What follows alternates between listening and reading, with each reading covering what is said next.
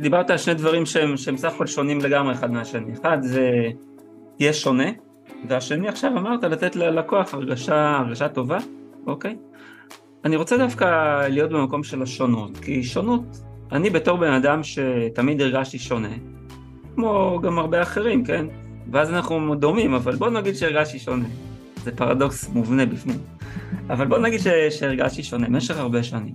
ואז, ואז תמיד שאלתי את עצמי את השאלה, שאני מפנה אליך עכשיו, כי כל כך לא, נוח לי לדבר איתך, ויש לך, אתה חושב על הדברים האלה. כמה שונה אתה צריך להיות? כי בסוף האנשים אוהבים אנשים כמוהם. מתחברים לאנשים כמוהם, יש לך, אפשר לקרוא את זה עוד מעט, דיברת על, על פגישה של קיפודים.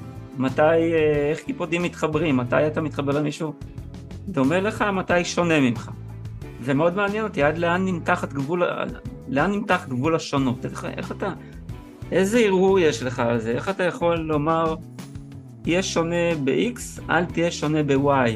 אה, לא דווקא תהיה, אלא תשאף ל... זו שאלה, זו שאלה מצוינת. אה, ואני אולי אפתיע אותך, אה, ואולי חלק מהמאזינים, אה, אתה לא צריך לשונה כל כך. Mm. אתה לא צריך לשונה כל כך, אתה אפילו לא צריך להיות שונה מאוד. התפיסה ש, שאומרת שאנשים צריכים להיות שונים לגמרי מאנשים אחרים כדי לבלוט, היא לדעתי טעות. אני רגע פותח סוגריים, אגיד לך, אראה לך, אזכיר לך שהפער בינינו לבין שימפנזים, בין בני אדם לשימפנזים, הוא אחוז נקודה שלוש של DNA. וזה ההבדל, זה ההבדל המאוד מאוד קטן בין, בין יצורים שעדיין מטפסים על העץ ומחפשים אוכל, לבין אנשים, בין בני אדם ששולטים בעולם. עכשיו רגע בוא נחזיר את זה ל, ל, לעולם שלנו. התפיסה, התפיסה של, של להיות שונה לגמרי היא טעות, כי ברגע שאתה שונה לחלוטין ממישהו אחר, אה, קשה לו להשוות את זה, קשה להשוות אותך למה שהוא מכיר.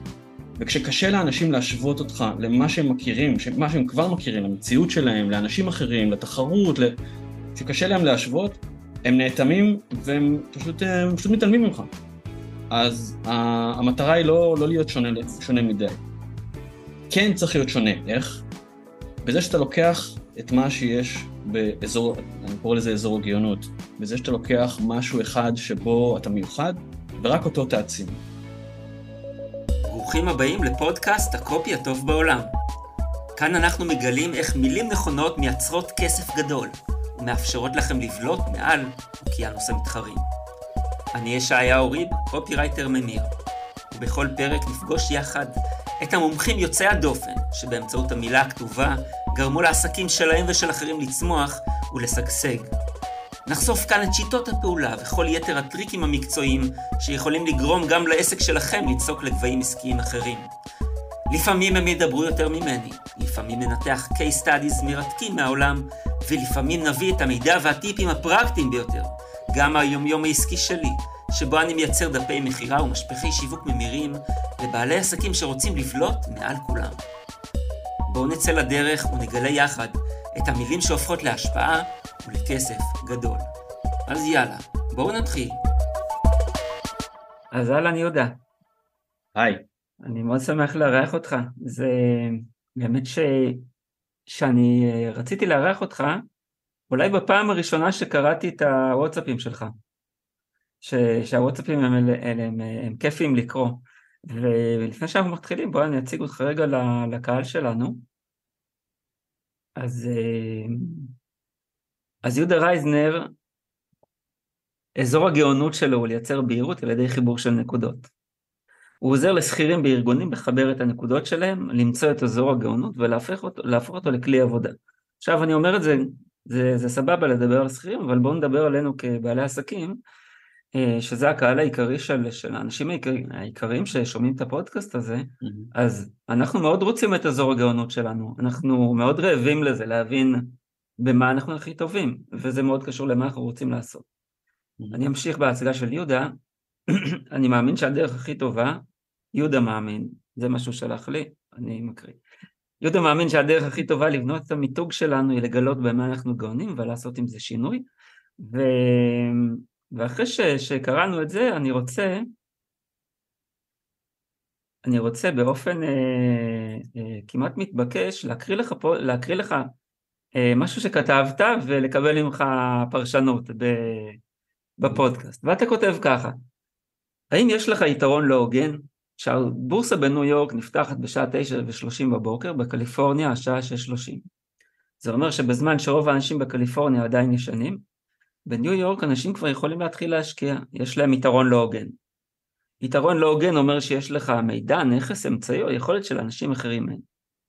אם יש לך הורים עשירים, יש לך יתרון לא הוגן על אחרים. אם אתה מכיר מישהו בארגון שאליו אתה רוצה להתקבל, יש לך יתרון לא הוגן על שאר המועמדים. כשהבת שלי נוסעת לטיול עם הכיתה, היא קוראת ערב לפני על היעד בוויקיפדיה, וככה חושבים שהיא נורא חכמה. היא משיגה יתרון לא הוגן, שהיא עושה דברים שאחרים לא מוכנים לעשות, וגם אזור הגאונות שלך הוא יתרון לא הוגן. אז מה זה היתרון הלא הוגן? אנחנו, אתה יודע, זה מונח רווח בשיווק, אבל אני רוצה, אני רוצה לשמוע ממך, מה זה? ספר לנו, יתרון לא הוגן, ולבעלי העסקים שבינינו, איפה אנחנו משיגים את היתרון הזה? כן, אז קודם כל, אה, המון תודה שהזמנת אותי לדבר, וגם מרגש אותי וגם אה, כיף לי, גם ברמה האישית וגם בכלל, אה, אני נורא אוהב לדבר על דברים שקשורים גם לאזור לא הוגן, גם לאזור הגאונות. ואני רגע אתחיל עם מה ש... אני, אקשר את זה לגמרי למה ש, שדיברת עכשיו, אני אקשר את זה נכון, אני מדבר בעיקר לשכירים בארגונים, כי זה הקהל יעד שאני מתמקד בו עכשיו, אבל לחלוטין עצמאים יכולים להשתמש בזה וצריכים להשתמש בזה באזור הגאונות, למצוא את אזור הגאונות כדי להבין מה יש להם שאין לאחרים.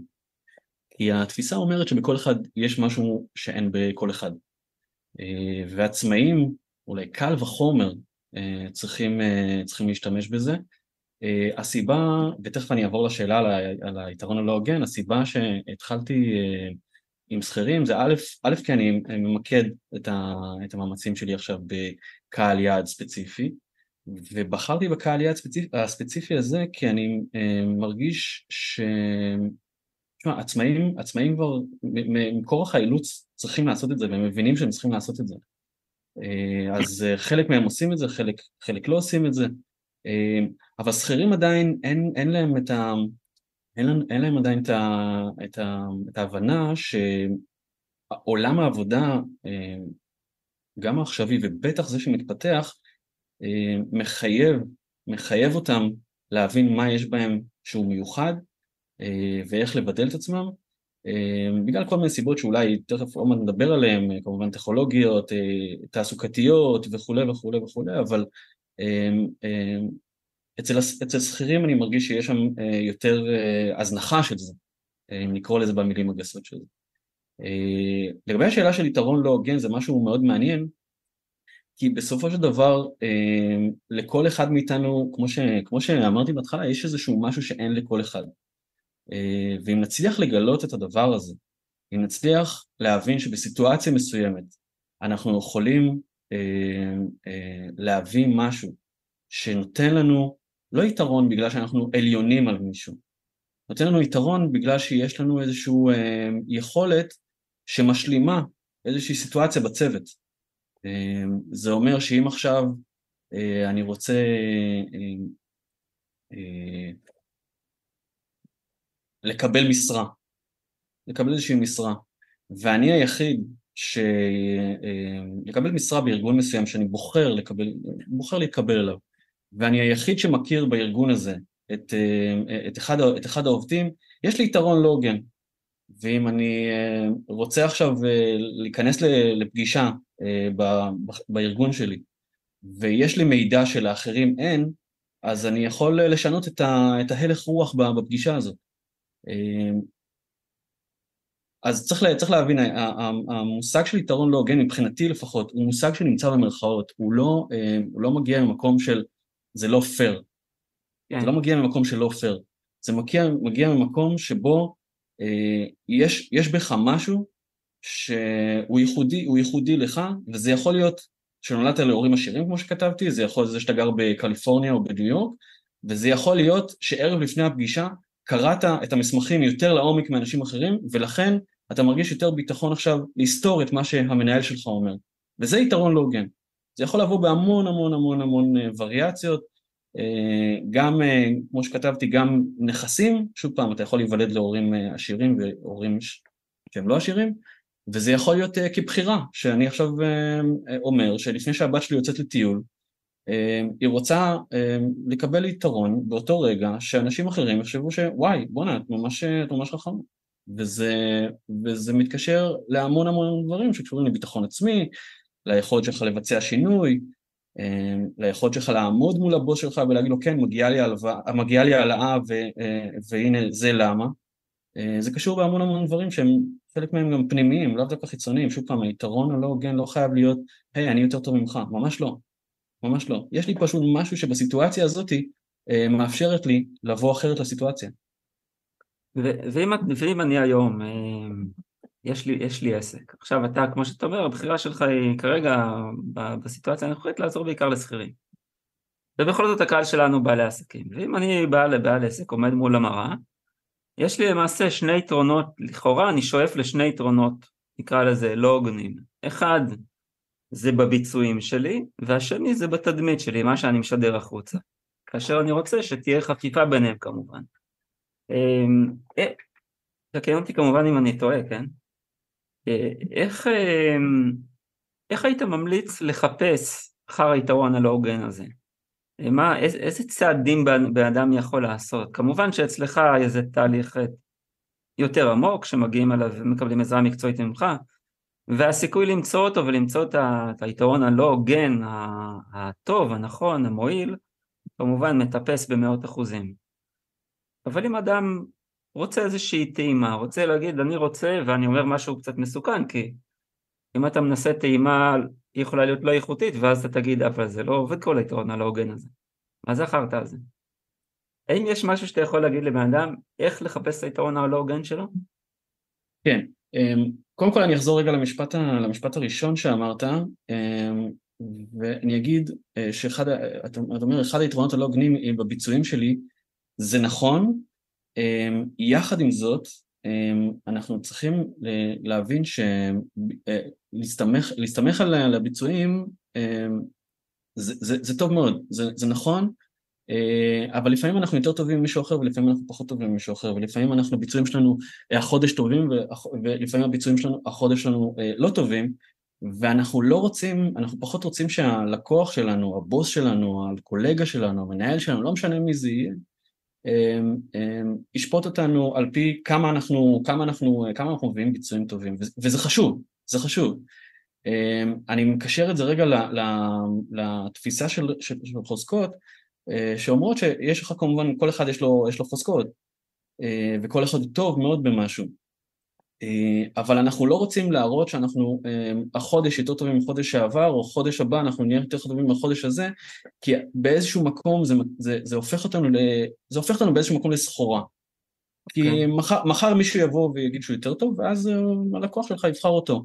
אנחנו לא רוצים, אנחנו לא רוצים להיות שם, אנחנו רוצים להיות במצב שבו אנחנו, הלקוח שלנו בוחר בנו, גם אם הביצועים שלנו הם לא הכי טובים. גם אם עכשיו אני לא מתכנת, גם אם עכשיו אני לא מתכנת הכי מהיר שיש, הלקוח שלי ייקח, הלקוח שלי ייקח אותי, או המנהל שלי ייקח אותי, יבחר בי, אה, בגלל שיש לי משהו אחר, בגלל שאני מצליח לעשות משהו אחר, אנחנו אחרי זה נדבר קצת על התפקיד הלא רשמי ודברים כאלה, אבל אם מישהו רוצה למצוא טעימה ל, ל, לאיזשהו יתרון לא הוגן, אז אני לגמרי מחזיר, אני גם לוקח אותו למקום של אזור גאונות, שזה המשפט האחרון שאמרת בפוסט שפרסמתי, שבו אה, אזור הגאונות אה, מבטא איזושהי תכונה אנושית שלך שהצלחת להפוך לכלי עבודה, mm. שבזכותה אתה לא צריך להראות שאתה יותר טוב ממישהו אחר, מרגישים, שאנשים מרגישים שהם רוצים אותך בגלל משהו מסוים. למשל, אזור הגאונות שלי, אנחנו תכף נדבר אולי על אנשים ש, שאני מלווה, כן. אזור הגאונות שלי הוא לחבר, אה, לייצר בהירות על ידי חיבור של נקודות, אה, ו... וכשהייתי, לפני שהייתי, לפני שעסקתי במה שאני עוסק עכשיו, הייתי ווב אנליסט. ווב אנליסט. ואני לא יכול להגיד לך שהיינו... אה, היינו מה זה ווב אנליסט? ווב אנליסט, ווב אנליסט, אני אספר רגע, רגע אחורה, הייתה לי חברה עידן קיימת, שעוסקת, שעשתה, עזרה ללקוחות שלה לשפר את הביצועים על ידי זה שהם, שאנחנו חקרנו מה הגולשים שלהם עושים באתרים ובאפליקציות שלהם. זאת אומרת, עושים ניתוחים ו, ו, ונותנים ללקוחות שלנו תובנות. CRO בעיקרון?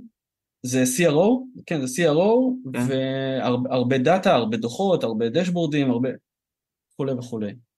אה, ואני לא יכול להגיד לך שהיינו אה, נותנים אה, תובנות יותר טובות ממישהו אחר, יכול להיות שמישהו אחר היה נותן תובנות יותר טובות מאיתנו, אין לנו מושג, אנחנו לא, לא, אף פעם לא השווינו את עצמנו למישהו אחר, והיו חודשים שכן, שעשינו, היו חודשים או שבועות שעשינו עבודה פחות טובה ללקוח שלנו. אבל הוא לא שפט אותנו לפי זה, הוא שפט כן. אותנו לפי, לדוגמה, אחד, אחד הדברים שהייתי אומר לעובדים ולשותף שלי, זה שאתה לא צריך לתת ל, ל, ל, ללקוח שלך אה, דוח יותר טוב או, או דשבורד, דשבורד יותר טוב, מה שצריך לעשות זה לאפשר לו לבוא למנהל שלו בפגישת הנהלה, אה, להרגיש יותר בטוח בנתונים שהוא מציג. זה לבד יעשה, יעשה הרבה מאוד מהעבודה. אז, אז היכולת שלך אה, להבין מה, מה, מה מבדל אותך, מה מבדל אותך מאנשים אחרים, אה, היא לאו דווקא לשים את עצמך במקום שבו אתה אומר יש לי ביצועים יותר טובים, אלא להציג גישה אחרת.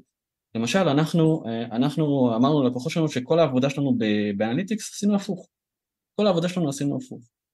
אה, ו, וזה אפשר לנו לבלוט. זה אפשר לנו לבלוט, לא רק לעשות עבודה יותר טובה. אני אתן דוגמה מאחד, ה, מאחד המאומנות שלנו, הייתה לי, הייתה לי מישהי ש... הייתה מוכרת ברשת, אה, ברשת משקפיים אה, גדולה, והיא ידעה ידע לעשות, אה, ידע לעשות בדיקות אחרת מכולם. היא ידעה פשוט לעשות בדיקות, לעשות בדיקות לעדשות מגע בצורה אחרת מכולם, ו...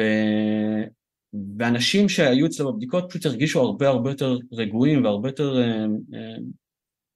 שלווים והבדיקות שלהם יצאו, בצורה, יצאו הרבה הרבה יותר טוב. אחוז הכמות הבדיקות, אחוז הבדיקות החוזרות ש, שהיו חוזרות אליה, אה, אה, הוא, הוא, היה הכי, הוא, הכי, הוא היה הכי נמוך ברשת. היא התחילה ללמד אנשים איך לעשות בדיקות בצורה הרבה הרבה יותר טובה מאנשים אחרים.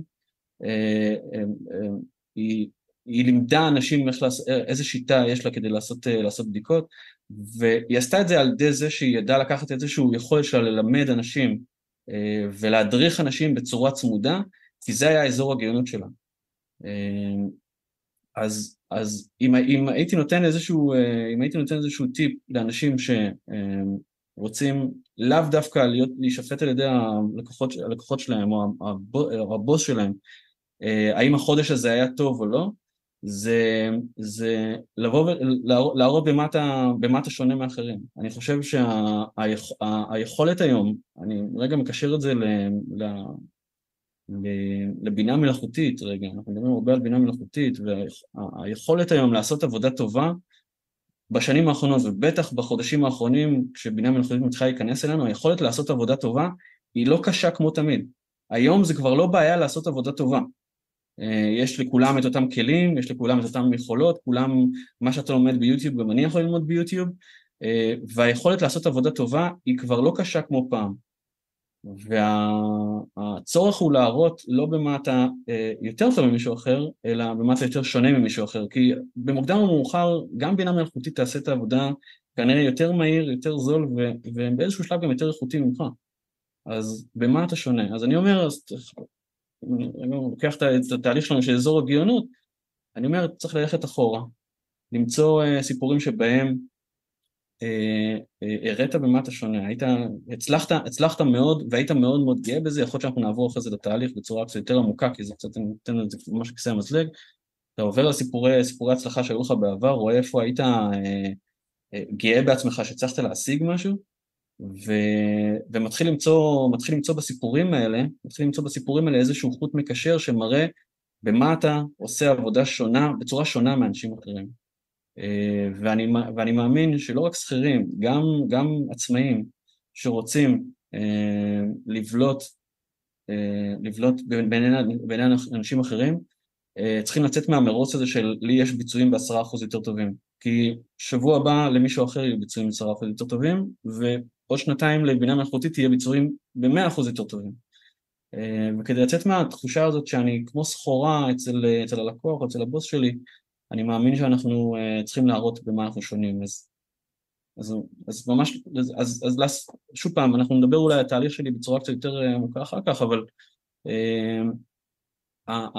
הבוטום ליין זה היום לעשות עבודה טובה, זה כבר לא כל כך קשה, השאלה איזה הרגשה אתה נותן ללקוח כשאתה עושה לו את העבודה הזאת. זאת אומרת, זה, זה, דיברת על שני דברים שהם, שהם סך הכל שונים לגמרי אחד מהשני. אחד זה תהיה שונה, והשני עכשיו אמרת לתת ללקוח הרגשה, הרגשה טובה, אוקיי? אני רוצה דווקא להיות במקום של השונות, כי שונות, אני בתור בן אדם שתמיד הרגשתי שונה, כמו גם הרבה אחרים, כן? ואז אנחנו דומים, אבל בוא נגיד שהרגשתי שונה. זה פרדוקס מובנה בפנים. אבל בוא נגיד שהרגשתי שונה במשך הרבה שנים.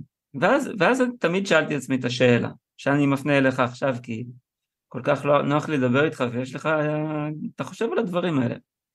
כמה שונה אתה צריך להיות? כי בסוף האנשים אוהבים אנשים כמוהם. מתחברים לאנשים כמוהם, יש לך, אפשר לקרוא את זה עוד מעט, דיברת על, על פגישה של קיפודים, מתי, איך קיפודים מתחברים, מתי אתה מתחבר למישהו דומה לך, מתי שונה ממך. זה מאוד מעניין אותי, עד לאן נמתח גבול, לאן נמתח גבול השונות, איך, איך אתה, איזה ערעור יש לך על זה, איך אתה יכול לומר, תהיה שונה ב-X, אל תהיה שונה ב-Y, אה, לא דווקא תהיה, אלא תשאף ל. זו שאלה, זו שאלה מצוינת, אה, ואני אולי אפתיע אותך, אה, ואולי חלק מהמאזינים, אתה לא צריך לשונה כל כך. Mm. אתה לא צריך להיות שונה כל כך, אתה אפילו לא צריך להיות שונה מאוד. התפיסה ש, שאומרת שאנשים צריכים להיות שונים לגמרי מאנשים אחרים כדי לבלוט, היא לדעתי טעות. אמ, אני רגע פותח סוגריים, אגיד לך, אראה לך, אה, אזכיר לך שהפער בינינו לבין שימפנזים, בין בני אדם לשימפנזים, הוא אחוז נקודה שלוש של DNA. אה, וזה ההבדל, זה ההבדל המאוד מאוד קטן בין, בין יצורים שעדיין מטפסים על העץ ומחפשים אוכל, לבין אנשים, בין בני אדם ששולטים בעולם. עכשיו רגע בוא נחזיר את זה ל, ל, לעולם שלנו. אה, התפיסה, התפיסה של, של להיות שונה לגמרי היא טעות, כי ברגע שאתה שונה לחלוטין ממישהו אחר, אה, קשה לו להשוות את זה, קשה להשוות אותך למה שהוא מכיר. וכשקשה לאנשים להשוות אותך למה שהם מכירים, מה שהם כבר מכירים, למציאות שלהם, לאנשים אחרים, לתחרות, כשקשה להם להשוות, הם נאטמים והם פשוט, הם פשוט מתעלמים ממך. אז המטרה היא לא, לא להיות שונה, שונה מדי. כן צריך להיות שונה, איך? בזה שאתה לוקח את מה שיש באזור, אני קורא לזה אזור הגאונות, בזה שאתה לוקח משהו אחד שבו אתה מיוחד, ורק אותו תעצים. רק אותו תעצים. למשל, אני, אני, אני קצת שונה באנש, מאנשים באיך שאני, שוב פעם, מחבר בנקודות ומייצר בהירות. אז אני לוקח את הסיפורים שלי עד לקצה. זאת אומרת, הסיפורים שלי הם שונים מאוד מאוד מאוד מאנשים אחרים. בכל שאר הדברים... בכל שאר הדברים... אתה יכול לתת רגע דוגמה למה זה מחבר את הנקודות? כי זו פעם שנייה שאתה מעלה את זה ואני רוצה להבין מה, כן. מה זה אומר. כן, לחבר נקודות יכול להיות uh, בכל מיני צורות, למשל אנלוגיה, למשל שאני מספר על זה ש... Uh, אם אתה זוכר, אני לא זוכר, לא יודע אם... Uh, בטח צפית בתוכנית של ניל סולגרסון, כשהוא היה... שהייתה בחופש הגדול כשהיינו ילדים. יכול להיות, אני יותר ראיתי ו... עם אבודים וסטיב אוסטין. אז, אז כן, אז, אז ניל סולגרסון, ואני אספר את זה רגע כאנקדוטה קטנה, הם היו, הם היו נדים, אתה יודע, זה היה אווזי בר של נדים עשרות קילומטרים או מאות קילומטרים. ניל סולגרסון ואווזי הפרא. בדיוק, אבל זה כן, אבל זה, אז הם היו נדידים אה, אה, קילומטרים, או עשרות קילומטרים, אפילו מאות קילומטרים בכל פרק, וכל פעם שהם היו נוחתים ל, על, על הקרקע, הם היו פוגשים את שושו השועל, עכשיו זה עולה, עולה מחשבה, עולה התהייה, רגע, אם היו פוגשים, אם היו נודדים עשרות קילומטרים מכל פרק, וכל פעם, כל פרק הם היו פוגשים את שושו השועל, אז יש פה שתי אפשרויות, או ששושו השועל רץ ממש ממש ממש מהר, ממש מהר, או שהמפקדת טאקה הייתה אה, אה, אה, נווטת ממש גרועה. אחת, אחד משתי האפשרויות האלה. עכשיו, למה אני אומר את זה? כי כשאני קורא את הדבר הזה, או כשאני חושב על הדבר הזה, אני, משהו קורה אצלי במוח, ואזור הגאונות זה משהו שקורה אצלנו במוח שאין לנו הסבר איך הוא קורה, אבל הוא פשוט קורה, אולי אחרי זה נדבר קצת על ביולוגיה וזה, אבל לא בטוח שאין לנו זמן.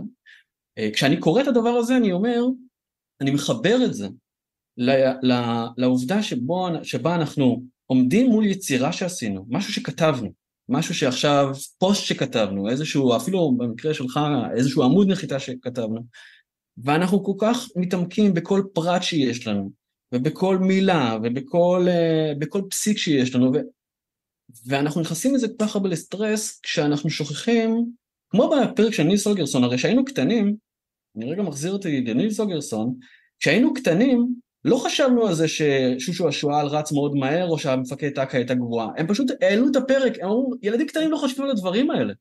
ילדים קטנים לא חושבים על הדברים האלה. וכשאנחנו כותבים פוסט, כשאנחנו כותבים עמוד נחיתה, כשאנחנו מייצרים איזושהי יצירה, אנחנו כל הזמן חושבים, רגע, מה יחשבו ומה... בסוף, מה שאנחנו חושבים לעצמנו, אנשים אחרים לא חושבים, אין לנו מושג על מה הם בכלל יתעכבו, על מה הם, אה, את מה הם יראו, וכשאני לוקח את זה, את הסיפור של ניל זוגרסון ואת ה, הפחד שלנו מליצור משהו בגלל איך שאנשים יחשבו לעצמם, ואני מחבר את זה, אני אומר, יש פה, יש פה חיבור שיכול לספר לאנשים סיפור, אוקיי? אז אחד, אחת הצורות שבהם אני עושה חיבור בין נקודות זה עושה איזושהי אנלוגיה לפעמים, בין, זה יכול להיות ניל זוגרסון, זה יכול להיות הרבה דברים אחרים, מי שירצה יכול להצטרף לתפוצת התוכן שלי, אני עושה את זה הרבה ב... אה, ב בפוסטים שאני, שאני מעלה. בקבוצת וואטסאפ. בקבוצת וואטסאפ שלי, כן.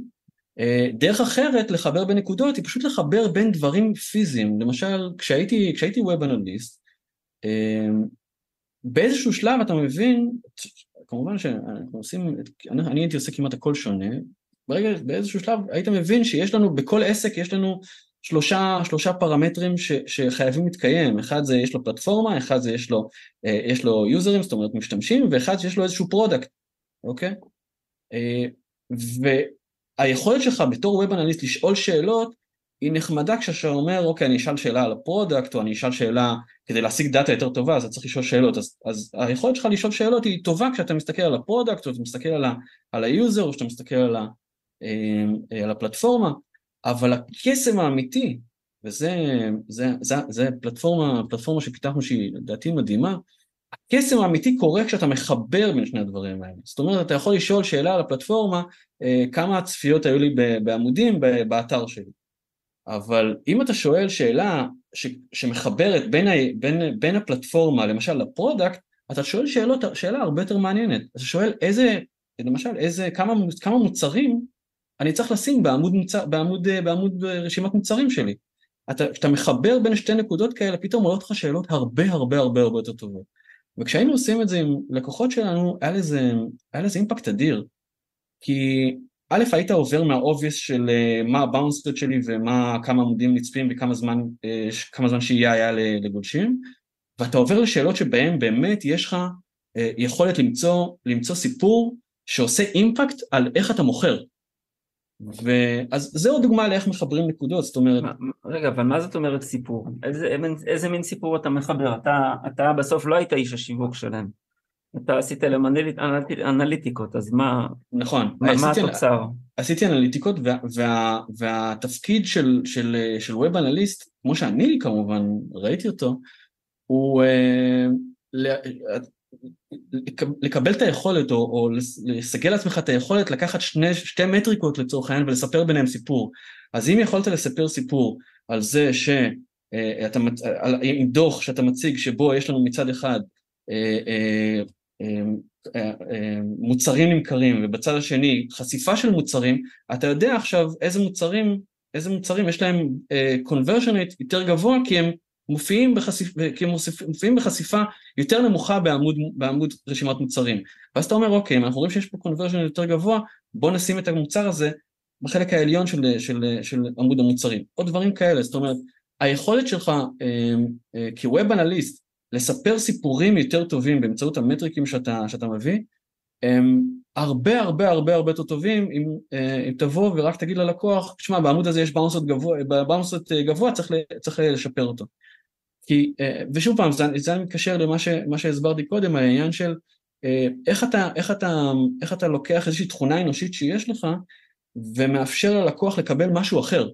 האמת, ש, האמת שאני רוצה לחבר אותך למשהו שעשיתי עם לקוח שלי השבוע, אה, אני הוצאתי מייל לרשימה, והוצאתי מייל עם איזשהו תוכן, תלחץ פה, תראה את התוכן. פרק בפודקאסט. והלכתי והסתכלתי מי פתח את זה, וראיתי שרוב. רוב האנשים הם או לקוחות ששילמו לי כסף בעבר, או כרגע, או אנשים שכבר אני מכיר אישית. אמרתי אוקיי, אז מה זה אומר? זה אגב, לחפש את הסיפור מאחור, מה זה אומר? זה אומר שמי שכבר מכיר אותי אישית יש לו רמת אמון מאוד גבוהה בי, כי הוא אומר אוקיי משהו, זה שהוא מציע לינק, זה נכון, שווה לי. ומי שלא מכיר אותי, יש פער. אז מה אני עושה עם זה? דבר ראשון, אני אומר איך אני מנסה את הפער. אוקיי? ואז הייתה לי פגישה עם לקוח שעושה סדנה. הוא, הוא מוכר סדנה, וחלק מהעניין זה לקבוע איזה מיילים יצאו לרשימה שלו, שהם מוכרים סדנה. אז מה שאני אמרתי לו, איזה מייל להוציא? להוציא מייל שהוא מדבר, יש לו חלק בסדנה שהוא חלק ייעוצי, שהוא נותן אה, איזשהו ייעוץ אישי למי שמגיע בתור, זה מוצג כבונוס. מה שאמרתי לו, מכיוון שהנטייה הזאת מן הסתם היא לא רק אצלי, היא נמצאת בהמון מקומות. בוא ניקח את המקום הזה ונחזק את הקשר האנושי. נביא אנשים דרך המקום שהם מתחברים אלינו יותר כאשר הם כבר מכירים אותנו. אז המייל הזה למרות שכלפי חוץ הוא נראה, תמיד מייל נראה איכשהו, אם אתה לא הלקוח אידיאלי, אתה, אתה, הוא גם לא מהדהד איתך, זאת אומרת איזשהו מייל. אז החלק הזה, אז העמקנו בצורה מאוד משמעותית בבונוס הזה, זאת אומרת שאנשים שהגיעו אליו ולא צרכו את שירותיו, או צרכו שירות יותר זול, או אחר, יבינו שהמגע האנושי איתו הרבה יותר הדוק, ולכן זה מה שיביא אותם. זה, אלה הדברים שאתה מדבר עליהם, למצוא את הקשרים הפחות טריוויאליים, גם, גם, כן, זה, זה לא חייב okay. אוקיי. להיות זה. שוב פעם, אזור, אזור גאונות אה, מתייח, אה, מתייחס לאיזושהי תכונה אנושית שלך שאתה, שאתה יכול להפוך לכלי עבודה, ואם התכונה האנושית הזאת היא באמת לחבר, אה, לחבר אנשים, אה, אז זה מצוין. למשל, היום בבוקר העליתי איזשהו פוסט בפייסבוק אה, על אה, בחור בשם פטריק מקארתי, ש... שהוא היה, הוא הוגדר המוכר מספר אחד של רשת אה, אה, נוסטרום בארצות הברית, אני לא יודע אם מכיר, אה, הוא הוגדר שם המוכר מספר אחד. וזה לא שהיה לו איזה כישורי מכירות, אפרופו אנחנו מדברים על זה שאתה לא חייב את הכי טוב, אתה לא חייב את איזה, זה לא שהיה לו כן. כישורי מכירות יותר טובים מאחרים, אה, או זה לא שהוא הבין, ב, הוא, היה, הוא היה מוכר במחלקת בגדי גברים, או הוא לא היה, הוא לא, הוא לא היה איזה גאון בבגדי גברים, הוא לא היה איזה מומחה בזה, אה, אבל מה שהוא עשה זה שהוא הכין לעצמו, הכין לעצמו רשימה של 6,000, 6,000 לקוחות של הרשת, של הרשת ממש, והוא היה מתקשר אליהם מדי פעם כדי לעניין אותם במוצרים, ממש מתקשר אליהם, אתה יודע, זה, זה, פעם טלפון היה בידוד, פעם טלפון היה, היה משהו. כן. אז הוא היה מתקשר אליהם, או, שהוא, או, שהם היו, או שהם היו מגיעים לחנות ולא מוצאים, אה, לא מוצאים איזשהו אה, אה, מוצר, כי אין במלאי או משהו כזה, אז הוא היה משיג להם את זה בכל מיני דרכים, דרכים לא דרכים. אתה יודע, הוא היה מתקשר לסניפים אחרים, הוא היה מבקש מה, מהרכש להזמין את זה, כל מיני, הוא היה, הוא היה דואג להם, ממש דואג להם. ובעוד, בזמן שהמוכר ממוצע ברשת עמד על, לשנה על 80 אלף, 80 אלף דולר, הוא, היה, הוא עמד על מיליון דולר לשנה. ושוב פעם, זה לאו דווקא בגלל שהוא היה מוכר יותר טוב מאחרים, אני מחבר את זה רגע לסיפור שלך, שבאמת יש פה, יש פה איזשהו קשר אנושי שהוא, שהוא פיתח עם אנשים אחרים, שאפשר לו לעשות משהו אחר.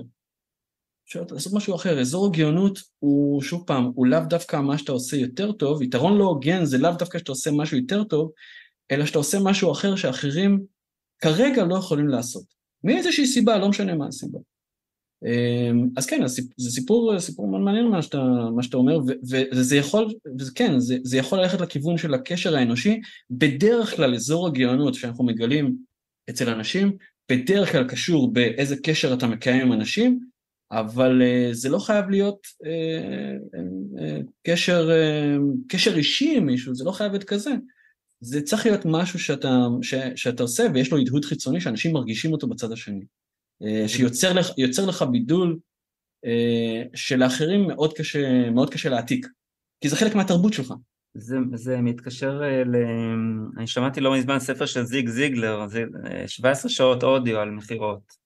זיג זיגלר אה, עבר לעולם שכולו טוב ב-2005 אם אני זוכר נכון, אבל הוא השאיר את הדבר הזה שזה זה, זה מטורף, הבן אדם פשוט מדבר ונואם, הוא כריזמטי, הוא רהוט, ואומנם זה מכירות של שנות התשעים, אבל זה, זה, יש בזה המון המון דברים שהם קשורים לפסיכולוגיה אנושית, והמון דברים שכן אפשר, זה, אפשר uh, ללמוד. והוא מדבר על, uh, על הבן אדם שמכר הכי הרבה ביטוחי רכב בארצות הברית.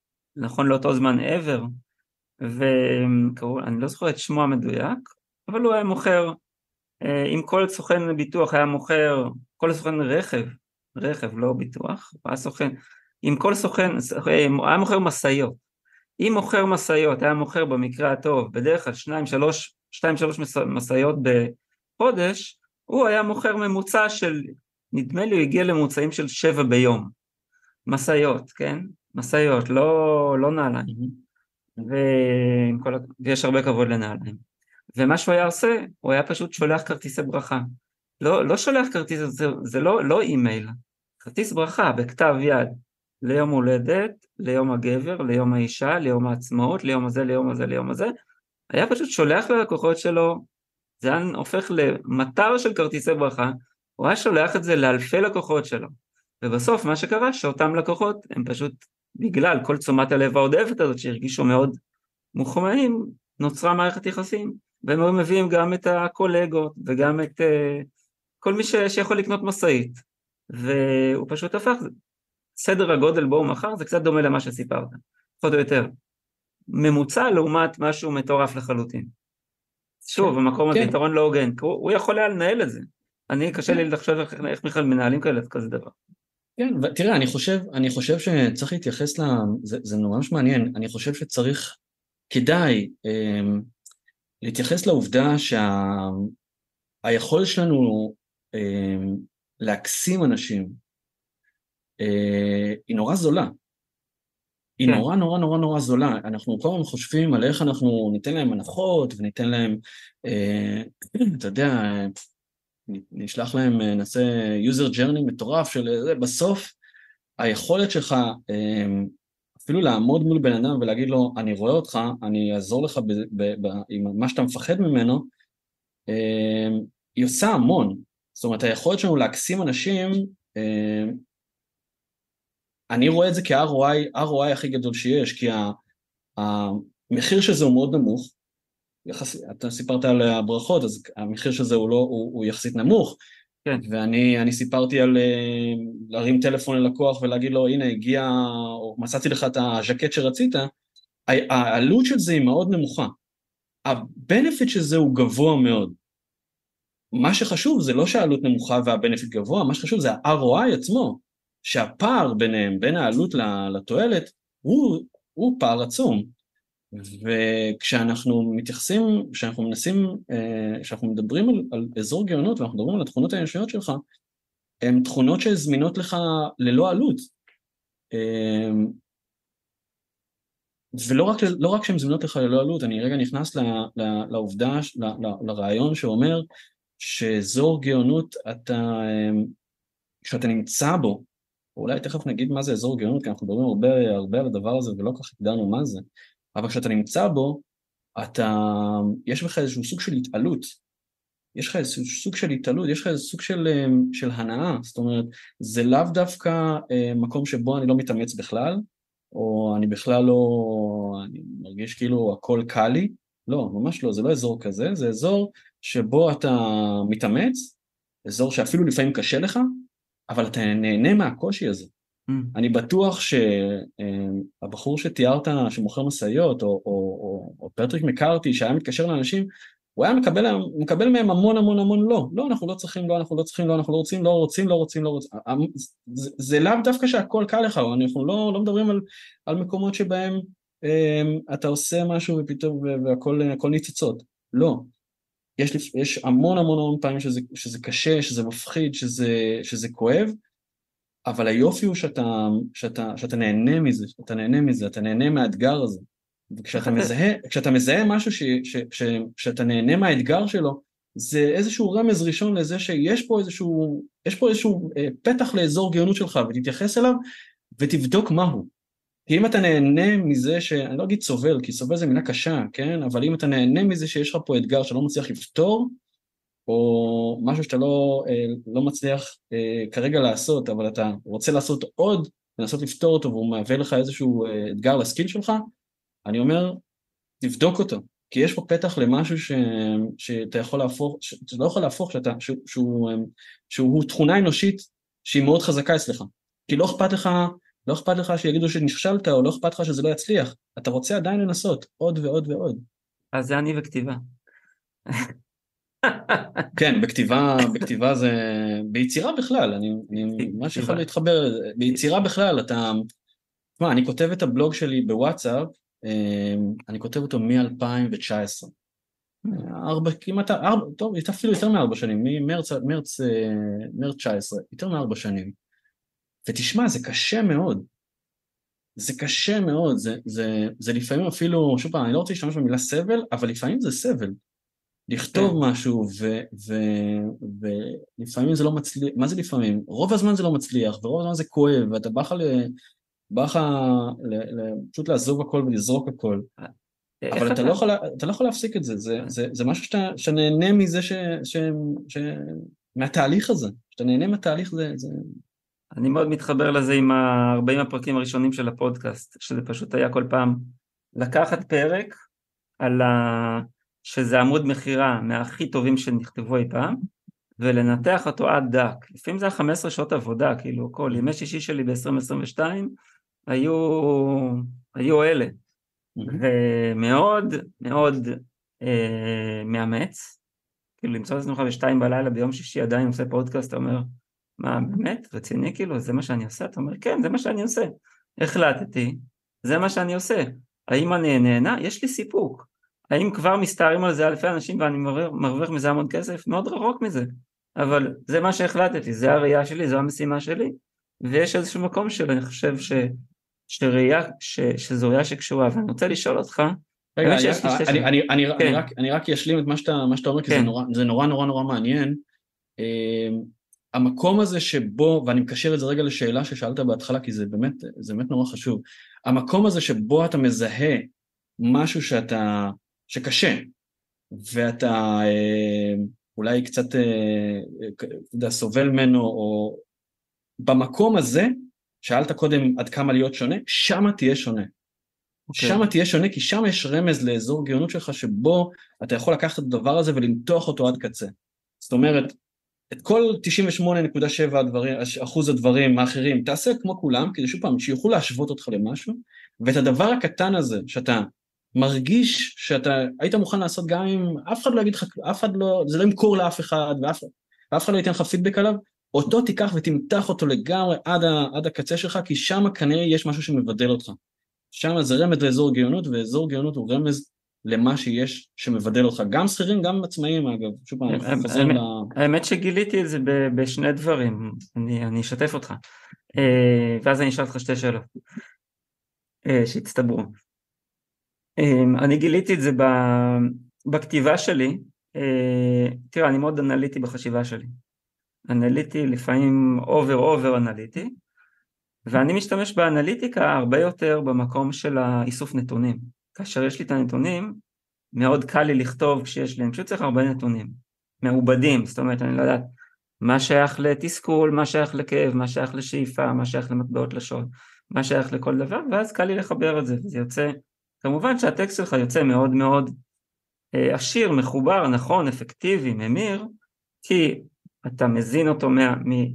בסוף הכתיבה זה העשרה אחוז. עשרה אחוז. האיסוף של הטקסט זה של התכנים 30 אחוז, עיבוד של עוד 20 אחוז, אה, כתיבה אולי לא עשרה, אולי חמישים, אבל איפשהו, איפשהו בין לזה לזה וזה, וזה משתנה. זה בכתיבה. דבר שני, בעבודה עם אנשים, אני גיליתי שהיכולת שלי ללמד, קודם כל אני מאוד אוהב את זה, נשים את זה רגע בצד, נאמר שהרבה אנשים אוהבים. הרבה אנשים מתחברים. לי יש יכולת מאוד טובה לקחת דברים ולעשות מהם נוסחאות קליטות. עכשיו, לא קליטות רק לשיווק, בוא, בוא, בוא זה יהנה אותך ותימשך לזה, לא זה. קח את הנוסחה הזאת, תיישם אותה בעסק שלך. וזה דבר שהוא מאוד מאוד טוב ללקוחות, כי בסוף אתה רוצה לכתוב דף מכירה. אני לא מלמד לכתוב דף, דף מכירה, אבל אני לא עושה לך, עכשיו תתחיל לחשוב, אני אומר לך, אלה הנוסחות, קח את זה, קח את זה, תחבר אותם, יש לך דף ממיר, שזה איזשהו יתרון שאני מרגיש שאני, אמנם עושה את זה כמה שנים, אבל אני מרגיש איזשהו רק בהתחלה של הפיתוח של זה. זאת ההרגשה. עכשיו אני רוצה לשאול אותך שתי שאלות. אה, אחת אנחנו אמרנו שנדבר על הזרוע גאונות ותספר אותו, תספר עליו. אה, והשאלה השנייה אני שכחתי, תכף היא תעלה, mm. תוך כדי שאתה תדבר. אוקיי, אז, אז אזור הגאונות הוא מושג ש... שהגה פסיכולוג אמריקאי בשם אה, גיי הנדריקס, שהוא בעצם אומר, לכל אורך, ה... לכל אורך היום שלנו, לכל אורך החיים בעצם, יש ארבעה אזורים שבהם אנחנו, אה, המשימות שלנו, הפרויקטים שלנו, כל, ה... כל המציאויות שלנו נכנסות. והארבעה האזורים האלה, זה, זה, אני ממש אדבר עליהם ממש בקצרה אחד-אחד, ואז נבין בעצם מה זה אזור הגאונות. האזור הראשון הוא אזור אי המסוגלות. זה אזור שזה בעצם המקום שבו יש משימות שנכנסות ואני לא יכול לעשות אותן. לצורך העניין, אני מתקלקל לי האוטו, אני לא יכול, אני לא יודע איך לתקן אותו. אין לי מושג איך לעשות את זה, אין לי מושג איך לפתוח את המנוע ולהבין מה לא בסדר, מה שאני עושה זה אני נותן את זה למוסך. או שיש לי אה, פיצוץ בצינור בבית, אז כמובן שאני לא יודע איך לעשות את זה, או אם אני מקשר את זה רגע לעולם העבודה, אז כשצריך עכשיו להפיק איזשהו מסמך משפטי, אין לי מושג איך לעשות אותו. אני נותן את זה למישהו אחר, עושה את זה בליגציה, ו... ונורא קל לנו לעשות, נורא קל לנו להתנהל באזור הזה, כי מה שנכנס אנחנו פשוט שולחים למישהו שיודע לעשות את זה. האזור, האזור שמעליו נקרא אזור, אם זה אזור אי המסוגלות, אז האזור שמעליו נקרא אזור המסוגלות.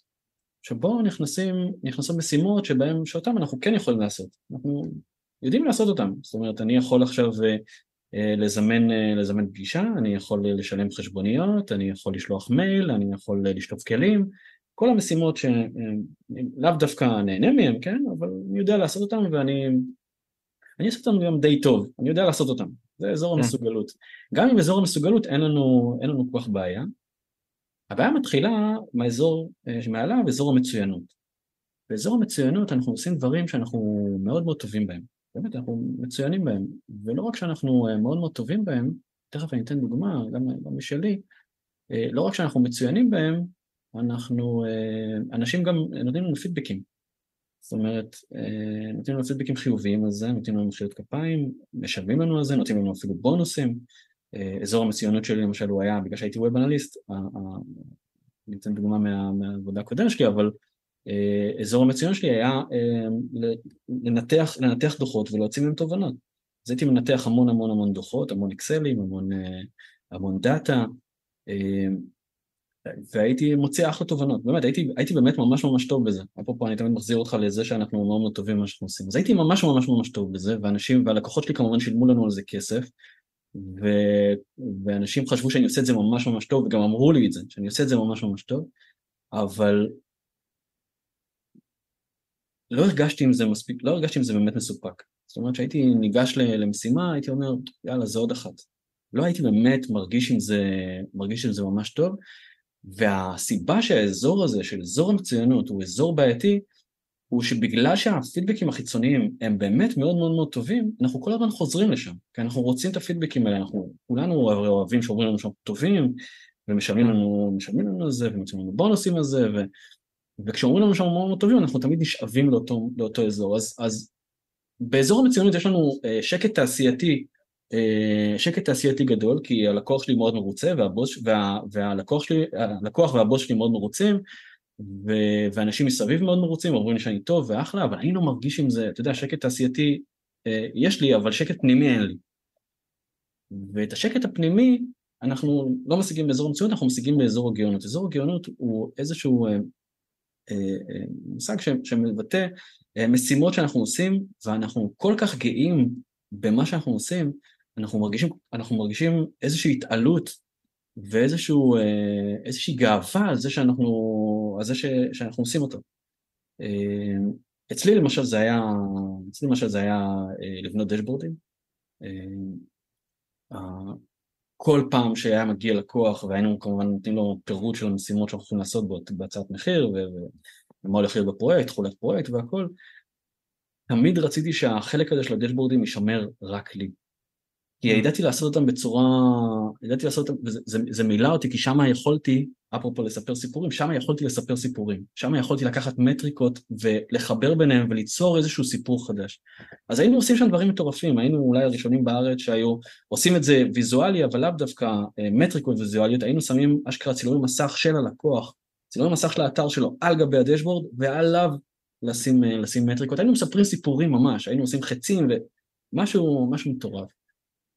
וה, וה...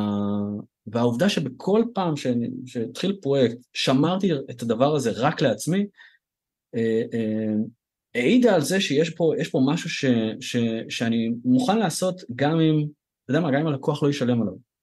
הייתי מוכן לעשות גם אם הלקוח לא הזמין אותו, הייתי מוכן לעשות את זה גם אם הלקוח לא, אה, לא, לא, לא היה מרוצה ממנו. כי זה נתן לי איזושהי גאווה פנימית על, על, על, על משהו שעשיתי, על משהו שעשיתי בעצמי, משהו שהבאתי בעצמי. עכשיו היכולת שלי לעשות משהו שונה, אפרופו מה שדיברנו קודם על למתוח את מה שאתה שונה בו, היכולת שלי למתוח את מה שאני שונה הייתה בדשבורדים הזה, האלה בצורה, בצורה, בצורה מוחלטת. Uh, הייתי עושה אותם שונה לגמרי מכל, מכל אחד אחר, כי שמה, שמה היה את האחוז וחצי שלי שהוא, שהוא, שהוא שונה מכולם, וזה מה שהיה לי, זה מה, ש, זה מה שהיה לי להראות לעולם, וזה מה שהיה uh, ללקוח שלי להראות לבוס שלו כשהוא היה מציג לו דשבורדים חדשים. ככה יכולתי לבלוט. היה לי, היה לי מומן אחד ש... Uh, שהוא היה אה, מנהל פרויקטים באיזושהי, באיזושהי חברה, ואזור הגאונות שלו היה, היה היכולת להשיג יעדים על ידי חיבור של אנשים ביחד. הוא, מה שהוא ידע לעשות זה לחבר, לחבר אנשים ביחד, ויכולת לראות במהלך הסשנים שאנחנו עושים, כי אנחנו עושים, אנחנו עושים כמה סשנים במהלך העבודה שלנו, אה, יכולת לראות כשהוא היה מחבר אנשים ובונה את הצוות עצמו של אנשים, הוא היה זוהר שם, והוא היה, הוא היה, היית, היית צריך לראות איך הוא, איך הוא התמלא, התמלא בגאווה על מה שהוא עושה, ואז כשהוא היה פונה לעשות את שאר הדברים, לגבש אסטרטגיה וכל מיני דברים כאלה, פתאום ראית שהוא כבר, זה פחות, אה, זה, זה פחות הקטע שלו. והיכולת שלו לייצר אימפקט, היכולת שלו לייצר אימפקט בארגון הייתה רק כשהוא היה בונה את הצוות. כל שאר הדברים הוא היה, הוא היה עושה, הוא היה עושה אותם טוב, אבל לא, לא, לא טוב ושונה כמו שהוא היה בונה צוותים. ואולי אחרי זה נדבר על התפקיד, התפקיד הלא רשמי גם, אבל כשאזור הגאונות שלך הוא לחבר בין אנשים, אז התפקיד הלא רשמי שלך הוא בעצם מתווך, אתה יודע לתווך בין אנשים, אה, לחבר ביניהם, כדי שייווצר משהו חדש בארגון. השם של העסק שלי, השם של הארגון שלי, לא דיברנו על זה, הוא לינצ'פין. כן. ולינצ'פין, אני בשתי שניות אני רק אגיד מה זה. לינצ'פין זה אה, הכינוי לפין שמחבר בין העגלה לכרכרה, אוקיי? הפין הקטן הזה, שבלי הפין הזה, הכרכרה לא יכולה, לא יכולה לנסוע, היא לא יכולה לנוע, כי, הפין, כי העגל, העגלה לא מחוברת לגלגל.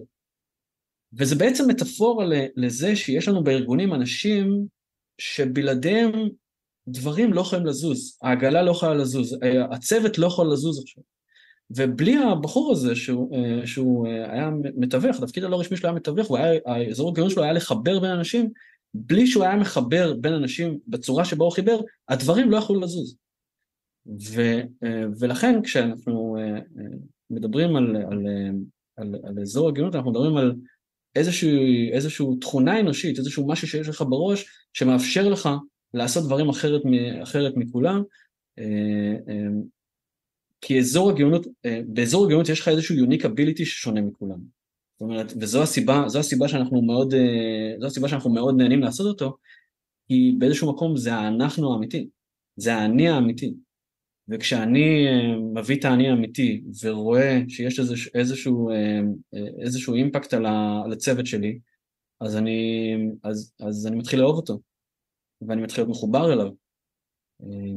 אנחנו נדבר אולי אחרי זה על מחוברות של עובדים וכל מיני דברים כאלה ואיזה בנפיט יש לזה לארגונים, אני לא יודע אם יהיה לו זמן, אבל אבל יש לזה, הרבה אספקטים של איך אני, איך אני, כשדיבר, כשתיארת את התפקיד שלי, אה, על זה שאני עוזר לעובדים אה, למצוא את אזור הגאונות ולהפוך אותו לכלי עבודה, אה, אז אנחנו מוצאים את אזור הגאונות כדי להפוך לכלי עבודה, כדי לעשות שינוי בארגון שלך, כדי שתוכל, כי אנחנו מאמינים שהיכולת שלך לעשות שינוי בארגון שלך הוא זה שיאפשר לך לאהוב אותו.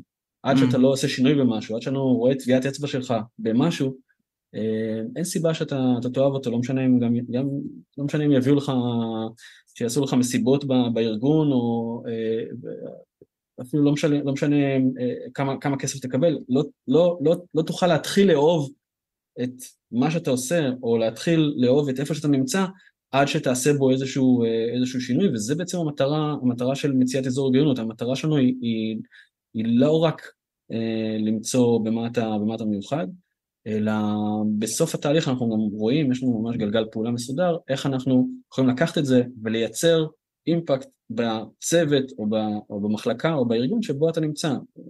רק כדוגמאות, אימפקט לא חייב להיות אה, עכשיו לשנות את האסטרטגיה של הארגון שלך, אימפקט יכול להיות גם באיך אתה עכשיו אה, אה, בונה מצגות, ואימפקט יכול להיות באיך אנשים שולחים מיילים, ואיך עונים למשקיע, ואם אני רגע, רוצ, אני רגע מחבר את זה לקהל, לקהל שלנו, אולי שהוא יותר עצמאים, אז מה אתה, מה, אתה, מה אתה משנה בדרך שבה אתה אה, מוכר? זאת אומרת, אה, שבעבודה, בעבודה הקודמת שלי אה, לקחנו את התהליך מכירה, מיפינו את התהליך מכירה והפכנו אותו.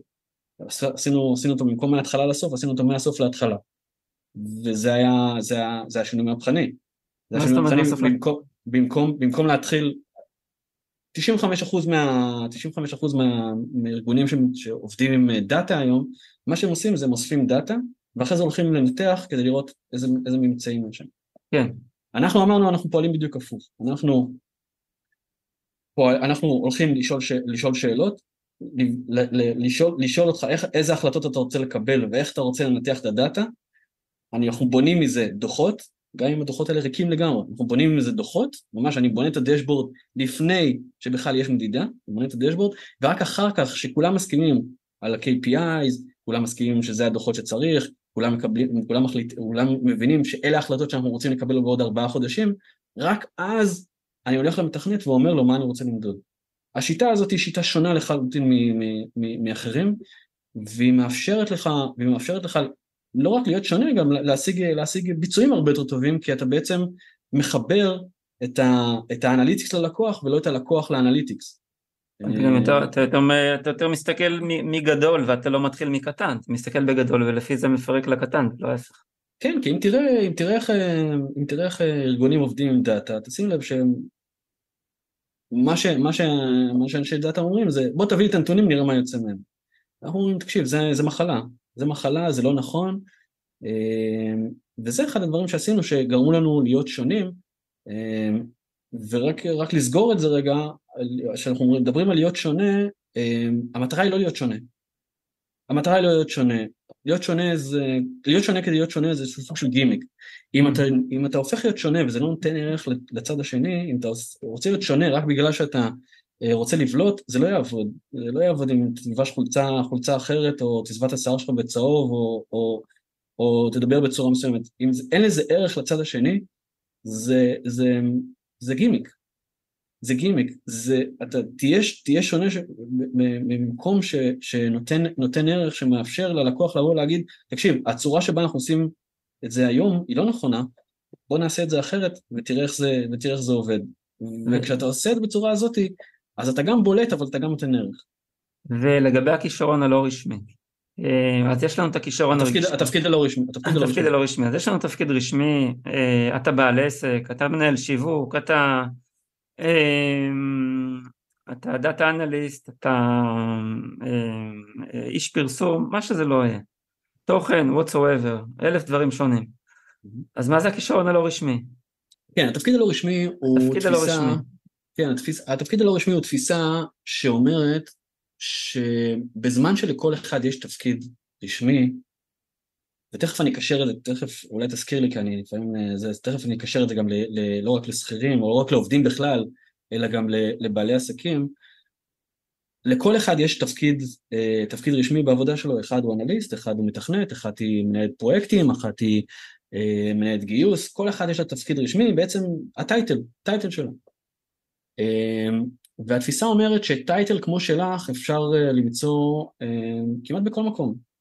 אתה יודע, היכולת, של, היכולת בשנים האחרונות של אנשים להגיע לכל משרה שהם רוצים, הרי לי ולך יש יכולת להגיע לכל משרה שאנחנו רוצים. היכולת שלנו, של כל אחד להגיע לכל משרה, אומרת שאני יכול, יכול אה, למצוא עוד 300 אה, מנהלות פרויקטים כמוך. אז במה, אז למה, אז למה, למה לבחור בך?